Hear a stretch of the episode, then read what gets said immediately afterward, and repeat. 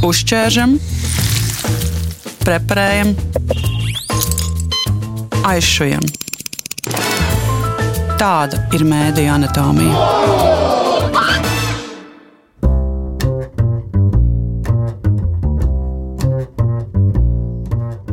Septembra beigās pirmo reizi par izcilu un augstiem ētikas standartiem atbilstošu darbu pasniedz balvas sabiedrisko mēdīju žurnālistiem. No Latvijas televīzijas balvu saņēma Inna Strasdiņa, Gins Amoliņš, Aigars Kovaļevskis un Ingus Graudiņš par sižetiem un filmām no Ukrainas.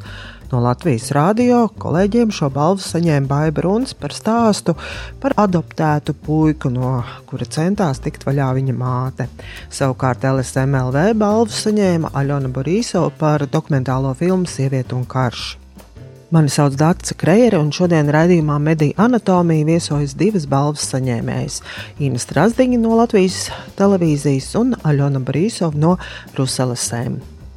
Un abas viesņas uz sarunu aicināju, lai runātu par žurnālistikas ētikas standartiem un to, vai un kā tie mainās, atspoguļojot karu, strādājot kara apstākļos. Jā, uzreiz teikšu jā, jo Principā man bija tā, ka mēs pirms gadā, septembrī, ar kolēģiem nolēmām, ka kaut ko taisīsim, veidosim, kaut kādu saturu un radīsim 24. februārī, kad apritēs gads kopš Krievijas iebrukuma Ukrajinā. Un pašā sākumā es gribēju kaut ko filmēt tieši par bērniem kas ir eh, palikuši bez vecāku gadības, par eh, tiem bērniem, kuriem vecāki ir vai nu pazuduši, vai nu cietuši, vai gājuši bojā. Un man to neļāva darīt, jo. Kas neļāva? Ukraiņi. Jā, jo ir aizliegums, jo viņi teica, ka nedrīkst uh, filmēt bērnus. Uh, un tam ir dažādi gan psiholoģiski, gan etiski aspekti. Piemēram, Piemēram vienkārši viņi teica, ka tas var ietekmēt uh, viņu ikdienas dzīvi, un viss tāpēc ir aizliegts. Jā, un uzreiz nācās domāt kaut ko jaunu, un tāpēc nolēmu filmēt par sievietēm, kuri arī palikušas vienās, pazaudēja vīrusu, un, un viņiem jāaudzina bērni. Pilnīgi pastāvīgi un nodrošina savu ģimeni ar kaut kādu iztīkumu. Jā. Un kā tu šīs sievietes atradi, vai tev bija viegli viņas sarunāt intervijā? Nē, arī nebija tik viegli. Es vienkārši meklēju kaut kādu, kurš man var palīdzēt to izdarīt, jo ir grūti atrasties Latvijā jā, un kaut ko organizēt vispār cita valstī, kur tu iepriekš nekad neesi bijusi. Uh, Un es atradu tādu fondu, kas saucās Children of Heroes. Tas ir vietējais eh, bērnu atbalsta fonds. Un viņi man palīdzēja ar kontaktiem, ar sievietēm, kurās ir gatavas atklāti runāt par to, par savu nu, cilvēcisko drāmu, par nāvi. Nu, tā, jā, tā sākas mūsu sadarbība. Un vai tur bija kaut kādi nu, nosacījumi, noteikumi, atspoguļot to vai citu sievietes stāstu? Nē, es viņām jautāju iepriekš, jā, vai par ko viņi, viņas var runāt ar mani, vai, vai, vai nē. Principā visas bija gatavas runāt, stāstīt par visu, jebko, caur asarām, bet, bet tur nekādu jau tādu iebildumu jau nebija. Jā, jā Ina, varbūt tu vari minēt kādu savu piemēru vai gatavojot kādu materiālu, kur arī tieši nu, liela nozīme bija kaut kādiem ētiskiem apsvērumiem, kāpēc to vai citu nefilmēt, atspoguļot, neatspoguļot. Jā, Daci, paldies par šo jautājumu, jo es tiešām padomāju par tiem piemēriem, un tādi ir bijuši vairāki. Mums bija iespēja filmēt bēres. Tas bija Krievijā, Rihā, kur nakts laikā Krievijas armija uzspridzināja māju ar dronu un eh, tur gāja bojā vairāk cilvēku, un, un paralēli arī tika uzspridzināta vietējā uh, rūpnīca. Tas bija uzņēmums, kurš bija tukšs naktī, bet tur strādāja vairāki jauni gados cilvēki un gāja bojā, un pēc vairākām dienām bija viņu bēris. Mēs gribējām parādīt šo drāmu, šo ārkārtīgo traģēdiju arī caur tādu aspektu, jo mēs bēris neesam daudz filmējuši. Bet mēs tur aizbraucām. Un, protams, to vispār filmēt ir ļoti smagi. Un varbūt īpaši manam operatoram, jo es tobrīd biju kopā ar Ukrāņu operatoru Maksimu Penko, ar kur mēs esam strādājuši tagad vairākas reizes. Un viņš vienkārši savā šī kara pieredzes laikā ir neskaitāms bērns filmējis, un viņā ir iestājusies jau zinām tāda varbūt tāda drausmīgs tas skanējis pieredums, bet ja vienalga tas ir šausmīgs brīdis, un viņš gāja prasīt šiem cilvēkiem. Mēs piebraucām pie vietas, kur tās notika. Mēs redzējām, kā tur ir pulcējušies, kā dzied, tur bija mācītājs, un bija sarunāts ar vietējo pašvaldības pārstāvi, ka mēs tur viņu satiksim un uz vietas varēsim palūgt atļauju. Šo atļauju neiedeva. Teorētiski mēs varējām uh, notēlot paparacī, kas izklausītos arī drausmīgi un būt šajā situācijā, un mums būtu labs materiāls. Uh, labs tādā ziņā, ka viņš būtu skaudrs un, un tāds. Ja. Piedod, un apsvērumu, kāpēc neiedeva? Jo vienkārši tik traģiski, ka tur bija trīs jauni vīrieši gājuši bojā, viņa ģimenes bija tur un viņi bija ārkārtīgi sakropļoti, zārki bija vaļā, tas viss bija ārkārtīgi tieši tāds, nu, tiešām šī traģēdija visā eh, skaudruma pīķī. Un tomēr tuvinieki nedēva, jo tas bija tik smagi. Viņi bija paši tādā afekta stāvoklī, ka vēl tur būtu mēdījiem. Tas brīdis bija tāds, ka viņi mums eh, neļāva būt klātesošiem. Pat tad, ja mēs esam no Latvijas, kas vispār Ukrāņi ļoti draudzīgi izturās pret Latvijas žurnālistiem, un pat tad, ja saprotot, ka tas ir parādīt kara šausmas, tomēr tajā brīdī viņi nedēva atļauju. Un mēs izvēlējāmies nelausties, nekāpt pāri robežām un tur nebūt. Zaudējot it kā eh, materiālu, bet pieņēmām šo lēmumu. Jā, protams, viņa ir ļoti plaša un bagāta pieredze. Man ir tikai viens komandējums, jā, un es atceros arī, mēs neskatoties uz to, ka mums bija rakstīskas piekrīšanas, mēs gribējām kaut ko piefilmēt Metropolitēna Hirkevā, jā, un arī neļāvā. Arī vajadzēs to visu saskaņot. Es rakstīju vēstuli uh, vietējai administrācijai, metro administrācija arī neatbildēja, neļāva. Nu, ja nedrīkst, tad nedrīkst. Un viņam tiešām ir ļoti daudz aizsardzības objektus, gan, gan strateģiski objekti, gan vēl kaut kādas sēkas. Vienkārši nedrīkst filmēt un viss. Un um, jāņem vērā, ka tur ir ļoti daudz postiņu, un mēs braucām kopā ar Ukraiņu brīvprātīgo, jā, neskatoties uz to, ka mums bija akreditācija, bet tik un tā uh, postinī vienkārši karavīri pārbauda visu, ko, kas tu esi uz kurien tu brauc, uh, ko tu tur darīsi, ko tu agrāk esi darījusi ja viņiem vajag, viņi ir, nezinu, pajautāt, parādīt te telefonu, kas tur, tur ir sarakstēs, kādas bildēs un, un tā tālāk. Jā. Un es to etisko uh, lietu redzu arī tā, ka tiešām, tā kā Ļona saka, ir ļoti daudz liegumu rādīt geolokāciju, ja, kur, kas varētu nodot ienaidniekam precīzu diezgan informāciju, kur kas atrodas. Un tā ir, es uzskatu, gan drošības, gan arī ētikas izšķiršanās, kādreiz noziedot labu kadru, kurā var parādīties kāda māja vai kaut kas tāds, pēc kā var atpazīt, ja, jo mēs apdraudam cilvēkus, kas tur ir. Un tas tiešām ir ļoti nopietni. Un eh, varbūt, eh, bet es tur redzu arī tādu ētisku aspektu, ja, ka varbūt nekas nenotiks, bet uh, tikpat labi var notikt. Drošības pēc. Jā, jā vienkārši jā. nedrīkst jādomā par tiltiem un visu, jā. Jā, kur to atradīs. Jūs klausoties, jūs zinat daudz par šīm niansēm, jo tur ir strādāts, tur ir vairāk kārt, piemēram, tu esi bijusi, Ina.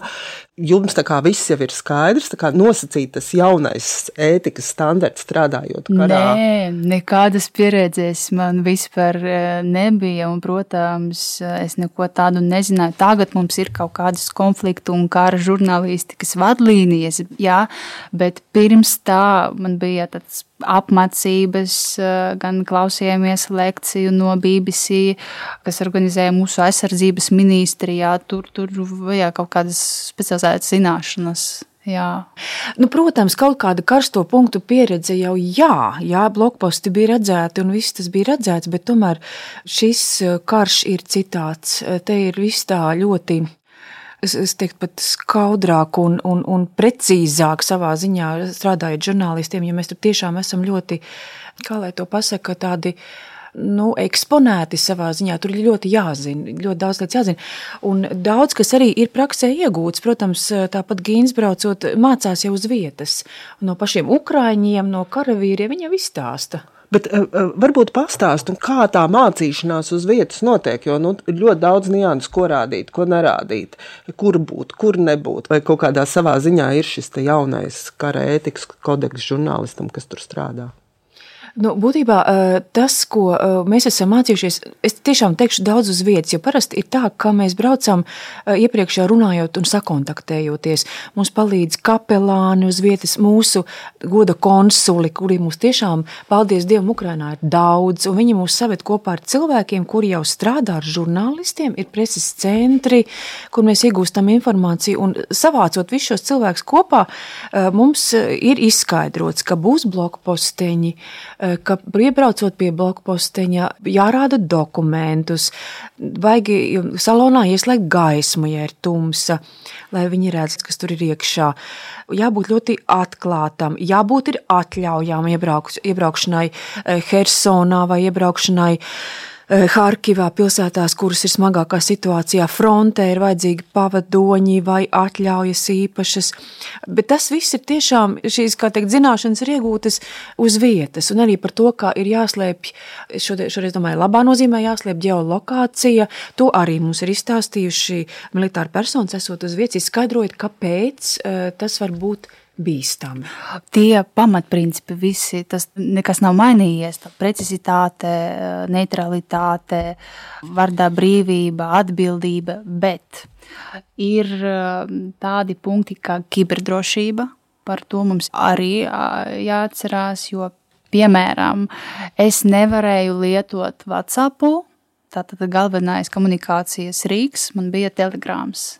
Tas ir drošāks. Kā tev? Mēs esam lietojuši arī WhatsApp, bet tas ir pareizi. Ukrāņi paši ļoti daudz ir telegrāmu un arī nu, Signāl. signālā. Signāls, jā, jā, jā tas mm -hmm. vispopulārākais veids, kā sazināties. Jā. jā, jā, jā, tas ir ļoti svarīgi, jo šifrē visas izziņas. Jā. Jā, mm -hmm. Par to arī mm -hmm. jādomā. Tu pieminēji neutralitāti, bet arī klausoties vairākas intervijas, eh, arī starp citu, jūs esat divas, eh, bet balvu arī saņēma operētājs Aigars Kovaļevskis, un eh, viņam pavisam nesen ir ļoti interesanti intervija mūsu kolēģi veidotajā podkāstā drošinātājs saruna ar tālu eipuru, ja interesē tas skats, kā tas ir notiek darbs karā no operātora viedokļa, tad noteikti iesaku visiem noklausīties šo interviju. Un viņš tur tieši arī minēja tā neutralitāti. Tu jau esi notikuma dalībnieks bieži vien. Tu vairs neesi vērotājs, esot tur uz vietas. Un eh, tajā brīdī, kad tu jau esi tajā notikumā un savā ziņā tu esi piedalījies tajā notikumā, nu, tā neutralitāte droši vien es arī beidzās. Paskaidrošu, jā, par ko ir runa. Nu, piemēram, mēs visi zinām, kā Ukraiņi sauc uh, Krievijas karavīrus par orkiem. Un, principā, es tādus vārdus nelietoju. Agresors, jā, okupants, jā, Krievijas armijā, karavīri, bet orki, nu, priekš mums nav īsti labi. Jā, cilvēki savā starpā tā runā, arī mēdījos ir. Nu, mums nav tādas pieredzes. Tā ir neutralitāte. Jādomā arī par vārdiem. Tu pieminēji par vārdiem. Man arī ir jautājums par vārdiem. Pierakstīju, uh, tagad ik pa laikam vienkārši parādās kaut kādās arī publiskajās diskusijās, ka mēdījos, kur tad ziņo latviski, bieži vien skan krievi uzbruk, krievi apšauj, krievi dara to, krievi nedara šito. Aļona pasaki, kā tu tajā brīdī jūties un ko tu domā par šiem vārdiem? Es, man principā vienalga, es saprotu, par ko ir runā. Personiski man tas vispār nekāda veidā neskar. Vienkārši ir atšķirība, ka latviešu valoda un ukraiņu valoda ir vārds krievs un viss. Ja, un tas nozīmē arī Krievijas pilsoņus un krievalodīgi, nu, arī kā krievalodīgi cilvēki. Bet krievu valodā ir starpība starp ruski un risijanin Jā, un man liekas, ka vietēji to ļoti labi var just. Un tāpēc varbūt viņi to uztver ļoti personiski. Varbūt tā ir atbilde. Jā, par vārdiem, par kā mēs runājam, stāstam. Vai Man bija ļoti interesanti saruna Odessā ar Ukrāņiem par šo jautājumu. Viņi saka, lūdzu, lūdzu, savās reportāžās sauciet visu tiešos vārdos, kā tas ir, kā uzbrucēji ir eh, Krievijas federācija, Krievijas armija, un par tiem orkiem. Viņi saka, nesakiet orki un teroristi, jo tas neko nenozīmē. Orki varbūt mēs uzreiz eh, sajūtam reģionu, bet teram teroristi, viņi saka, tas varbūt arī islām valsts un tā tālāk.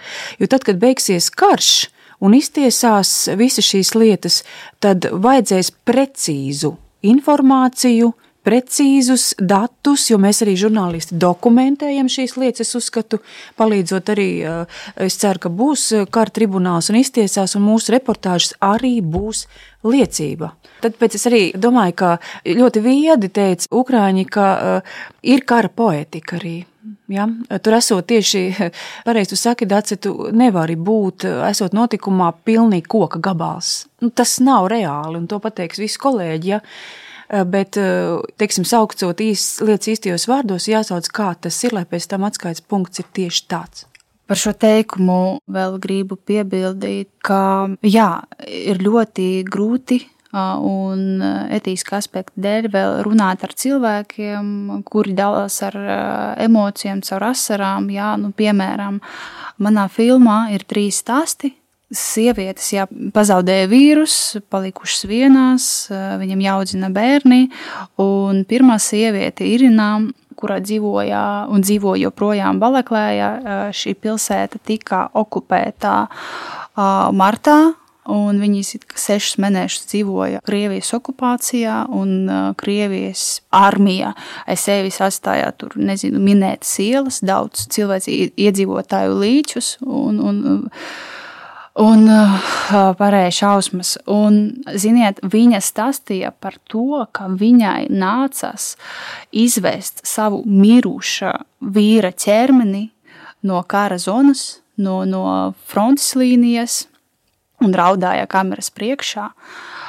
Otra sieviete stāstīja, ka pēc raķešu uzbrukuma Hirkivā aizdiedzies viens no vislielākajiem tirgiem Austrumēropā, Barabašova tirgus, un ir gājis bojā viņas vīrs, kurš tur ir strādājis, un bērni arī redzēja miruši te uz ielas. Un trešais stāsts ir par to, ka sieviete bija stāvoklī, Un uh, viņas vīrs karoja Donbāzā, un viņš neredzēja, kā bērnu piedzimšanu. Un, un visgrūtākais priekš manis bija turpināt uzdot viņam jautājumus un turpināt sarunu, kad tu redzi, ka cilvēks raudā, pirmais, kas tev gribas, ir apskaust cilvēku, jā, bet tu nevari to izdarīt, jo tu saprati, ka emocijas ir ļoti vajadzīgas filmai. Uh, jo skatītājs var saprast un just, kā viņš vai viņa stāsta patiesību.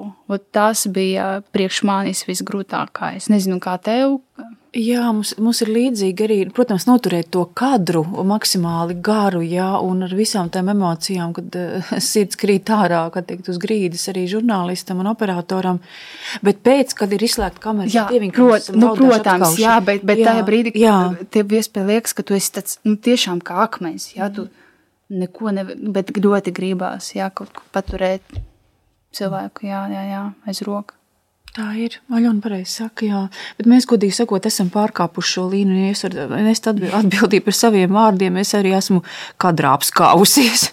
Un, un tas ir parādīts arī. Man bija nesen tāds sižets, jo vienkārši patiešām nu, tā situācija ir tāda reizēm, ka arī ierēģi, kuri nav gulējuši es nezinu, cik mēnešus ar aizpampušām acīm, galvām stāsta lietišķu informāciju, un tu redz, ka viņš ir nu, tāds, ka viņi gribās paņemt opā jā, jā. tajā brīdī. Mhm. Man arī skatoties tavu filmu Sieviete un karš, man radās jautājums par ētiskiem apsvērumiem, vai tādi ir gatavojot materiālu un stāstot latviešu un krievu auditorijai. Nē, nē, es domājusi, padomājusi par to. Nē. Mm -mm. Cilvēciska valoda un viss. Kā jūs teikt, cik īstu kāru mēs redzam savos televīzijas vai, nezinu, datora, telefona ekrānos?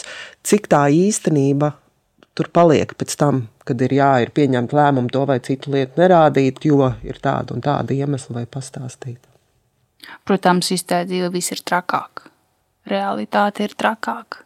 Jā, un es pat neesmu bijusi pie uh, frontes līnijas. Es tikai biju Harkivas apgabalā, vai man liekas, ka Džins bija vis, vis, vistuvāk. Kas notiek tur? Nu, mēs vienkārši arī nevaram rādīt, kā Inija jau stāstīja, etisku iemeslu dēļ, jā, līčus, nāvi, visu ne. Aļona pareizi saka, mēs neesam eh, bijuši nulles līnijā. Tas nav iespējams. Vienkārši armija tur nelaiž, ja kur tiešām ir īpaši bīstami dzīvībā. Jā, jā, jā. jā kas ir tas, ir, kur, kur tiešām ir ierakumi, šauji un tam līdzīgi. Un to mēs tiešām esam redzējuši vairāk eh, pašu karavīru uzņemtajos materiālos, kas ir par laimi gan Twitterī, gan, gan Telegram parādās, kur mēs varam redzēt.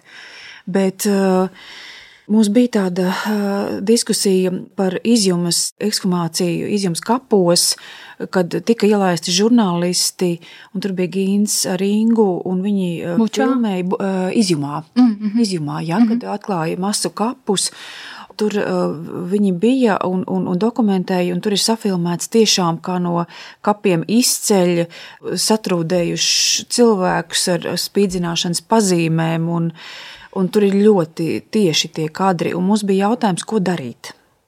Vai rādīt, vai nē, un bija sižets, man šķiet, kur, panorāmā, kur bija mazliet, nu, teiksim tā, izdarīt izvēle, vai varbūt tie paši skaudrākie kadri, nē, bet pēc tam bija filma par izjumu, kur režisori bija Daci Kokle, un mēs pieņēmām lēmumu rādīt, kā ir. Un tas bija ļoti pareizi, es uzskatu, jo karu, pabrīdinot, protams, iepriekš skatītāju, ka būs briesmīgi, ir jārāda visā tā skaudrumu visaugstākajā pakāpē. Vēl ir tāda lieta, ka jūs varat rādīt televīziju, jā, tas ir jūsu lēmums, bet uh, mums LTV7 tikai ziņās, krievu valoda pašlaik, jā, bet uh, visu pārējo mēs liekam gan YouTube, gan Facebook sociālos tīklos. Un tur tādu saturu bloķē. Jā. Mm. Jā, par to arī ir jādomā. Mēs vienkārši nevaram to pateikt. Jā, arī gribam, bet nevaram. Jā, taisnība. Jā. Gan runājot ar redakcijām, gan arī tagad tikko ir publiskots sabiedrisko mēdīju labumu pētījums pēdējais. Tur daudz arī, protams, tiek runāts par to, kā tiek atspoguļots karš Ukrainā, un tur nu viens no tiem secinājumiem ir, ka redakcionālā politika mainās. Mēdī vairs e, nevar būt neitrāli un tikai atspoguļot faktus, ka bieži vien šī neutralitāte kādā brīdī beidzās. Vai jūs, kā žurnālists, to savā darbā esat izjutuši? Tīri cilvēciski, jā, man nav pareizi, bet tagad empātija ir pirmā vietā. Piedodiet, bet, bet jā Jā, es piekrītu Aļonai. Mums arī redakcionālā nostāja ļoti skaidra. Latvijas televīzijas ziņu dienests ir Ukraiņas pusē. Punkts. Tur vispār šis nav apspriežams. Un tas nozīmē, ka mēs eh, veltām visu savu darbu, lai Ukraiņu uzvarētu šajā karā.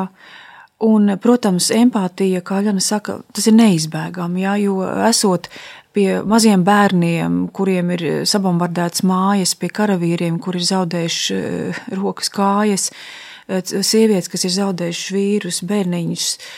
Tu nevari palikt eh, neitrāls. Eh, arī kā žurnālists, protams, mēs esam visi, es gribētu uzskatīt, augsts raudas profesionāļi, un mēs esam arī daudz dzīvē redzējuši, mēs zinām, kā uzvesties. Bet mēs arī nav roboti. Bet mēs esam cilvēki. Ja, precīzi.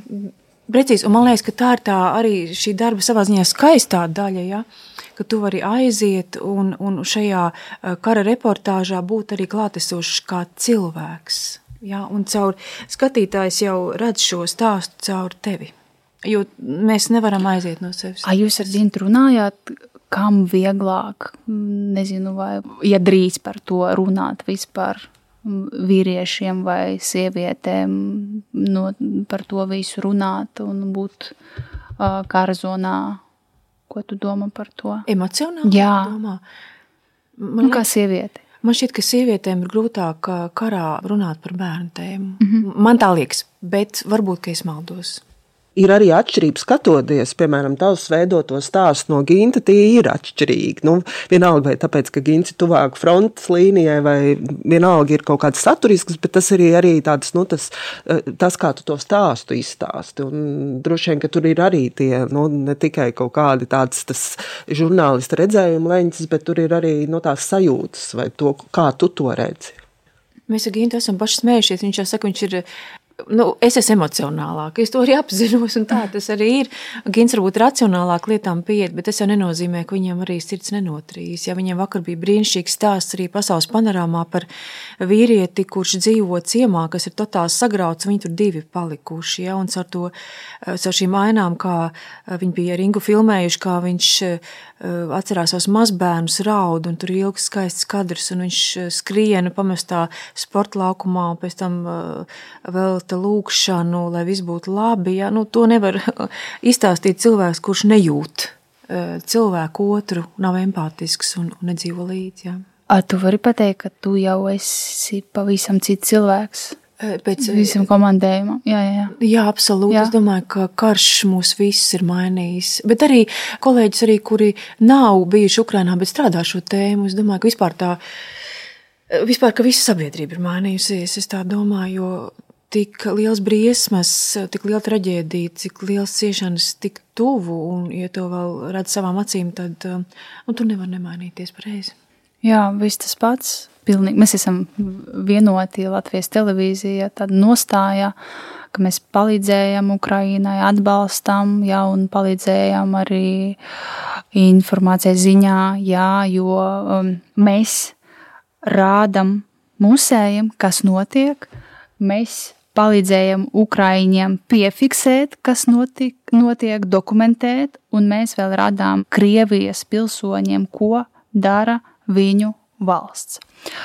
Mums nesen ar kolēģiem bija profesionāla apmācības un lekcijas no BBC, un tur viens vīrietis mums stāstīja par Kremļa propagandas izplatību Amerikā. Man tas jautājums. Es biju pārsteigta, kā jūs domājat, cik daudz cilvēku Amerikā, krievalodīgi iedzīvotāji, pagājušā nedēļā skatījās svētdien Krievijas raidījumu uh, 60 minūtes. Kā jūs domājat, cik cilvēku kopumā ir kaut kādi varianti? Tūkstoši, miljoni, nezinu. Daudz. nu, es domāju, ka miljonus tad varētu būt. Ne? 12 miljoni. Jūs varat iedomāties, 12. Mēs bieži sakām, ka musēji cieši no Kremļa propagandas. Cilvēki dzīvojot Amerikā, ir tā apstrādāti. 12 miljoni. Tas vienkārši parādā, kāda ir informatīva liela nozīme. Un patiesas informācijas nekāda nevar būt par daudz. Jā, es piekrītu.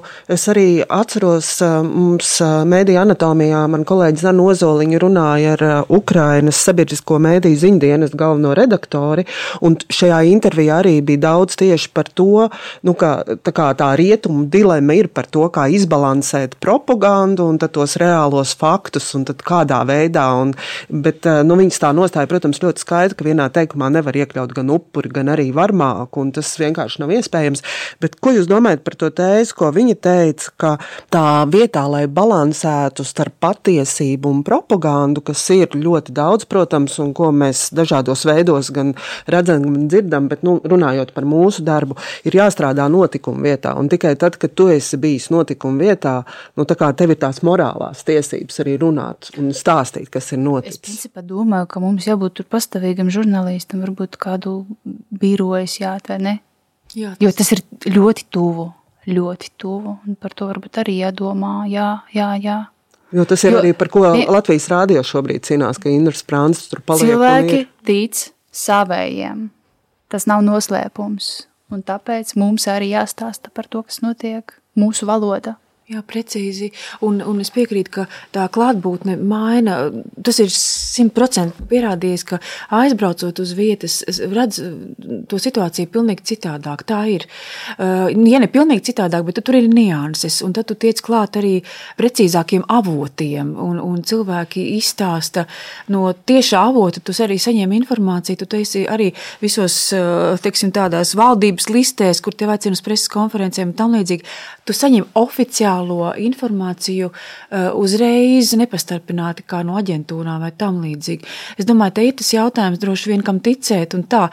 Uh, nu, jā, es teiktu tā, ka man varbūt kādreiz kaitina divāna eksperti, ja, piemēram, par pretuzbrukumu, bet to arī ASV NATO ģenerālis ļoti labi pateica, ka sēdēt divānā un spriest, cik, kāpēc tik šausmīgi slikti notiek Ukraiņu pretuzbrukums, ir noziedzīgi faktiski. Ja? Un, piemēram, par to runājot, kaut arī par šo pretuzbrukumu tēmu, ja, es domāju, tur gan ir tā morālām tiesībām tiešām lielāks svars, jo esot uz vietas, mēs arī esam prasījuši Ukraiņiem par pretuzbrukumu, ja?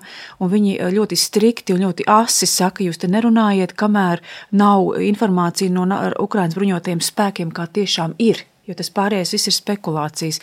Nu, te ir varbūt tās morālās tiesības par to izteikties, ja tu esi runājis ar Ukraiņas bruņotajiem spēkiem tur uz vietas esot. Jā tiešais kontakts, jā, teiksim. Klātienē, Klātienē jā, jā, jā. Runājot par divām ekspertiem, kā arī izskan par to, jā, mūsu žurnālisti brauc, jā, viņi atspoguļo šos notikumus, viņi atspoguļo, nu, protams, ne, mēs nevaram parādīt visu bildi, bet tur, kur tu esi tajā brīdī bijis, bet ka pietrūks tādi dziļāk analītiskāk materiāli, kur jau tu analizē kaut kādu to procesu, kur tu analizē, es nezinu, vienalga kaut kādas parādības, kas tajā brīdī ir aktuāls Ukrainā. Man liekas, ka pēc tam Ukraina visu izvērtējis? Nu jā, mēs uz vietas vairāk strādājam uz teiksim, tā, operatīvo informāciju. Tā ir taisnība. Ja?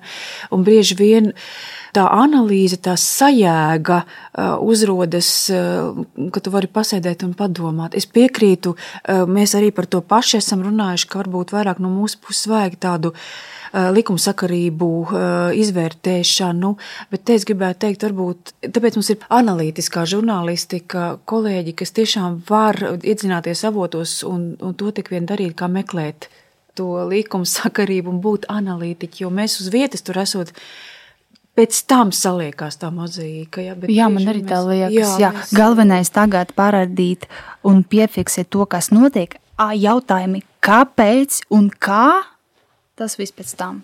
Jā. Un, um, Protams, to kaut kā, es nezinu, vai vispār tur ir standarti, kā to darīt, vai tur vispār ir kaut kādi priekšraksti.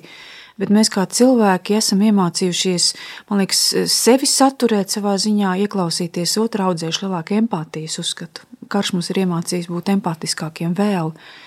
Un um, reķināties arī, kā nu, pašiem nobriest kā cilvēkiem un reķināties, ka var būt arī tā. Ziniet, es uh, uzdevu sievietēm jautājumu, kāpēc jūs joprojām esat šeit, piemēram, Balaklējā, jā, ja tas ir milzīgs rīks, risks dzīvot kopā ar bērniem.